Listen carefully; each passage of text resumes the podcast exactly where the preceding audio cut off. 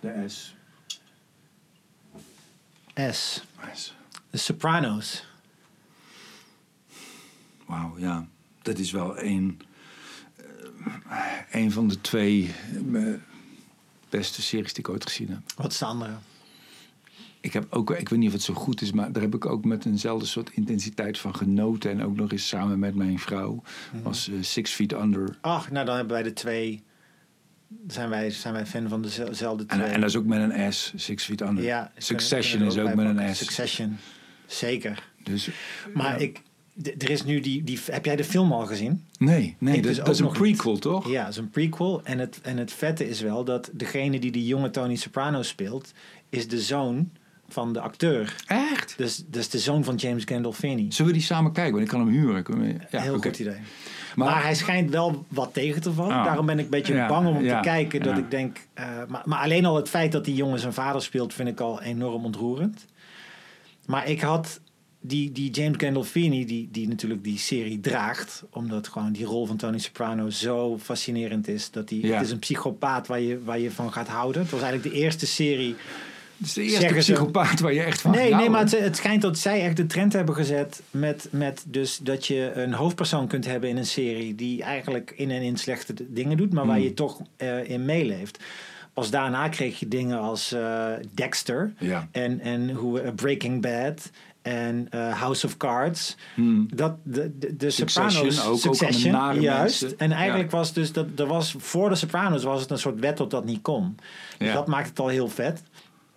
En ehm, ik weet nog dat ik toen hij overleden was, had hij een hartaanval.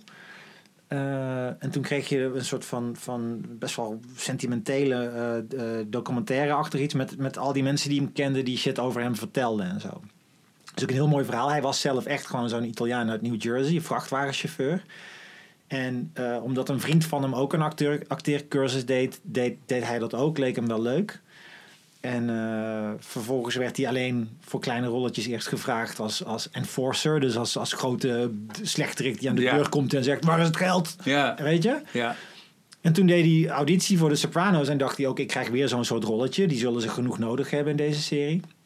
En toen kreeg hij dus die, die hoofdrol. Wat, wat als, je er, als, je, als, je daaraan, eh, als je dat eh, overdenkt... is dat best wel een moedige, mooie keuze ook geweest van die makers. Om te Zeker, denken, hey, ja. we kiezen niet een beetje de standaardbaas... maar juist die grote, wat dikkere kerel. En toen zag ik die docu met die mensen over hem vertellen en zo mooi. En ik heb er echt een beetje bij zitten huilen ook. Omdat ik toch een soort diepe affectie voelde voor die Ik heb de serie ook denk ik iets van vijf keer in zijn geheel Echt gezien. ik ja. hem één keer gezien. Ja. Nee, nee, zeker vijf keer. Ik ga hem dan op een gegeven moment een beetje missen. En dan moet ik hem weer zien.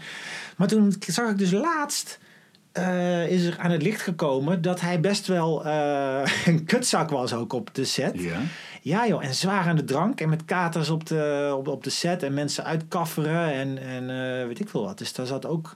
Nou, hij heeft iets wat ik mooi Schaduwkant. Maar hij heeft ook iets heel zaggerijnigs ook in zijn acteren. Alsof hij niet zijn best doet. Dat vind, ik- dat vind ik heel goed. Hij staat maar een beetje altijd te roeren met zo'n, met zo'n vork. In dat, oh, die, hoe lelijk die Amerikanen eten. Ja. Met, zo, met zo'n vork in een, in een beetje pasta te graaien. En een beetje zwaar te ademen en zo. Het is zo fysiek en Het- zo, het is heel zo fysiek. vleeselijk. Eh, Ja, dat is precies. Je hoort hem ook ademen. Die Ja. Neusademhaling Ja. van hem, zijn leren jekje hoor je, hoor je. Je voelt dat lichaam ook zo. Dat grote, krachtige lichaam, maar ook te dik en ook ongezond. Ja, hij is ook een, en het is ook een lo- loser en een winner ook. Ja. At the same time. Ja. Zijn er dingen van Tony Soprano die jij wel zou willen hebben? Nou Eigenschappen? ja, sterker nog, eh, ik denk dat, dat ik die serie zo fascinerend vind, omdat eh, die, die, die, wat hij uitstraalt is die totale onbevreesdheid. Hmm. En eh, zodra iets hem, eh, hem iets flikt, dat hij nooit zal terugdeinzen, nooit zich zal terugtrekken, trekken, eh, zich gewonnen zal geven.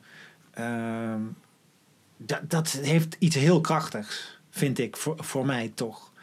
Dat je, ehm, dat je, toch zou, dat je toch ergens zou willen dat je zo'n man goed kent. En, en aan jouw kant staat en, je, en Mm. jou beschermt. De, de, de, de kracht die dat heeft. Ja. Dat, dat, dat, dat een, een groep mensen met hem als leider zo niets ontziend hard kan optreden als het moet. Dat is bijna een soort onoverwinnelijkheid. Het is bijna eh, een, een soort superhelden. eh, wat ik ook bij, Mm. bij een superheld voel. Bij, bij de Spider-Man of zo. Dat je denkt, als je, als, je, als je die shit hebt... dan hoef je gewoon nergens meer bang voor te zijn. En eigenlijk is, is, is een maffiabaas is ook, heeft een soort superheldenkrachten. Dat iemand flikt je iets en die, en die is, wordt opgeruimd. Ik heb, ik heb zo iemand aan mijn kant, hè. Oh. Ik ga zijn naam niet noemen. Maar ik heb ooit, er is ook een jonge, een jonge crimineel uit Eindhoven, die heb ik ooit een beetje geholpen om op het rechte pad te komen. Eh, en ik, heb wel eens, ben wel eens in een situatie geweest, toen had ik een, mijn huis gekocht en toen werd ik opeens gebeld van Theo, volgens mij zijn er, eh, eh, er zijn mensen in jouw huis en in jouw tuin aan het rondlopen. En toen fietste ik daar heel snel heen. En toen belde ik ook, nou, laten we hem G G noemen. Ja. En die was er, die was er, sneller, die was er sneller dan ik.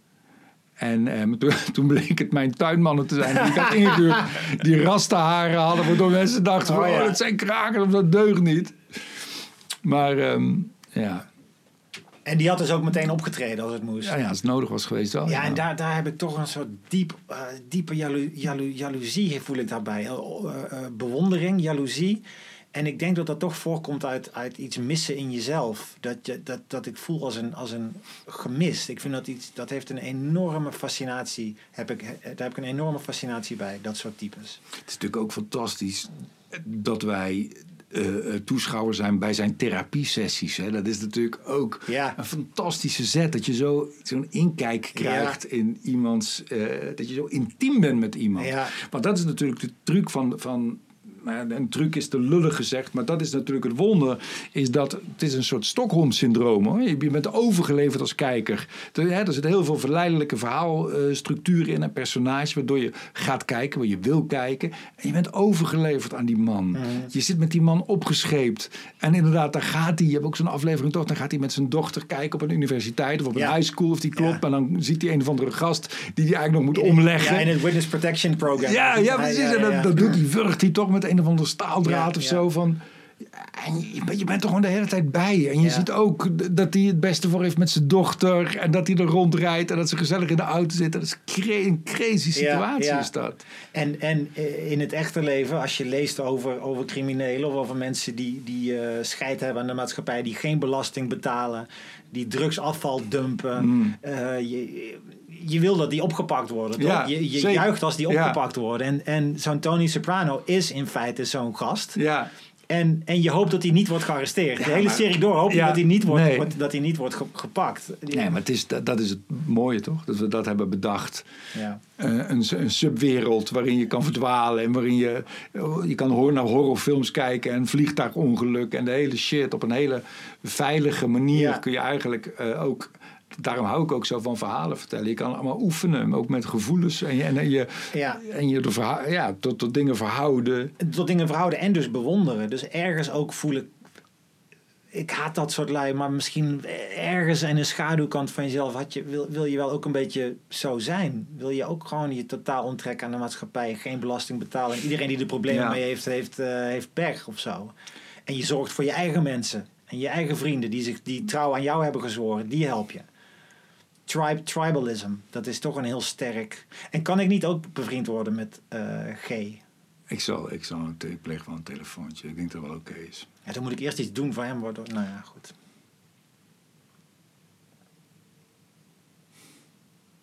Sla er maar op. Sla er maar op, vriend.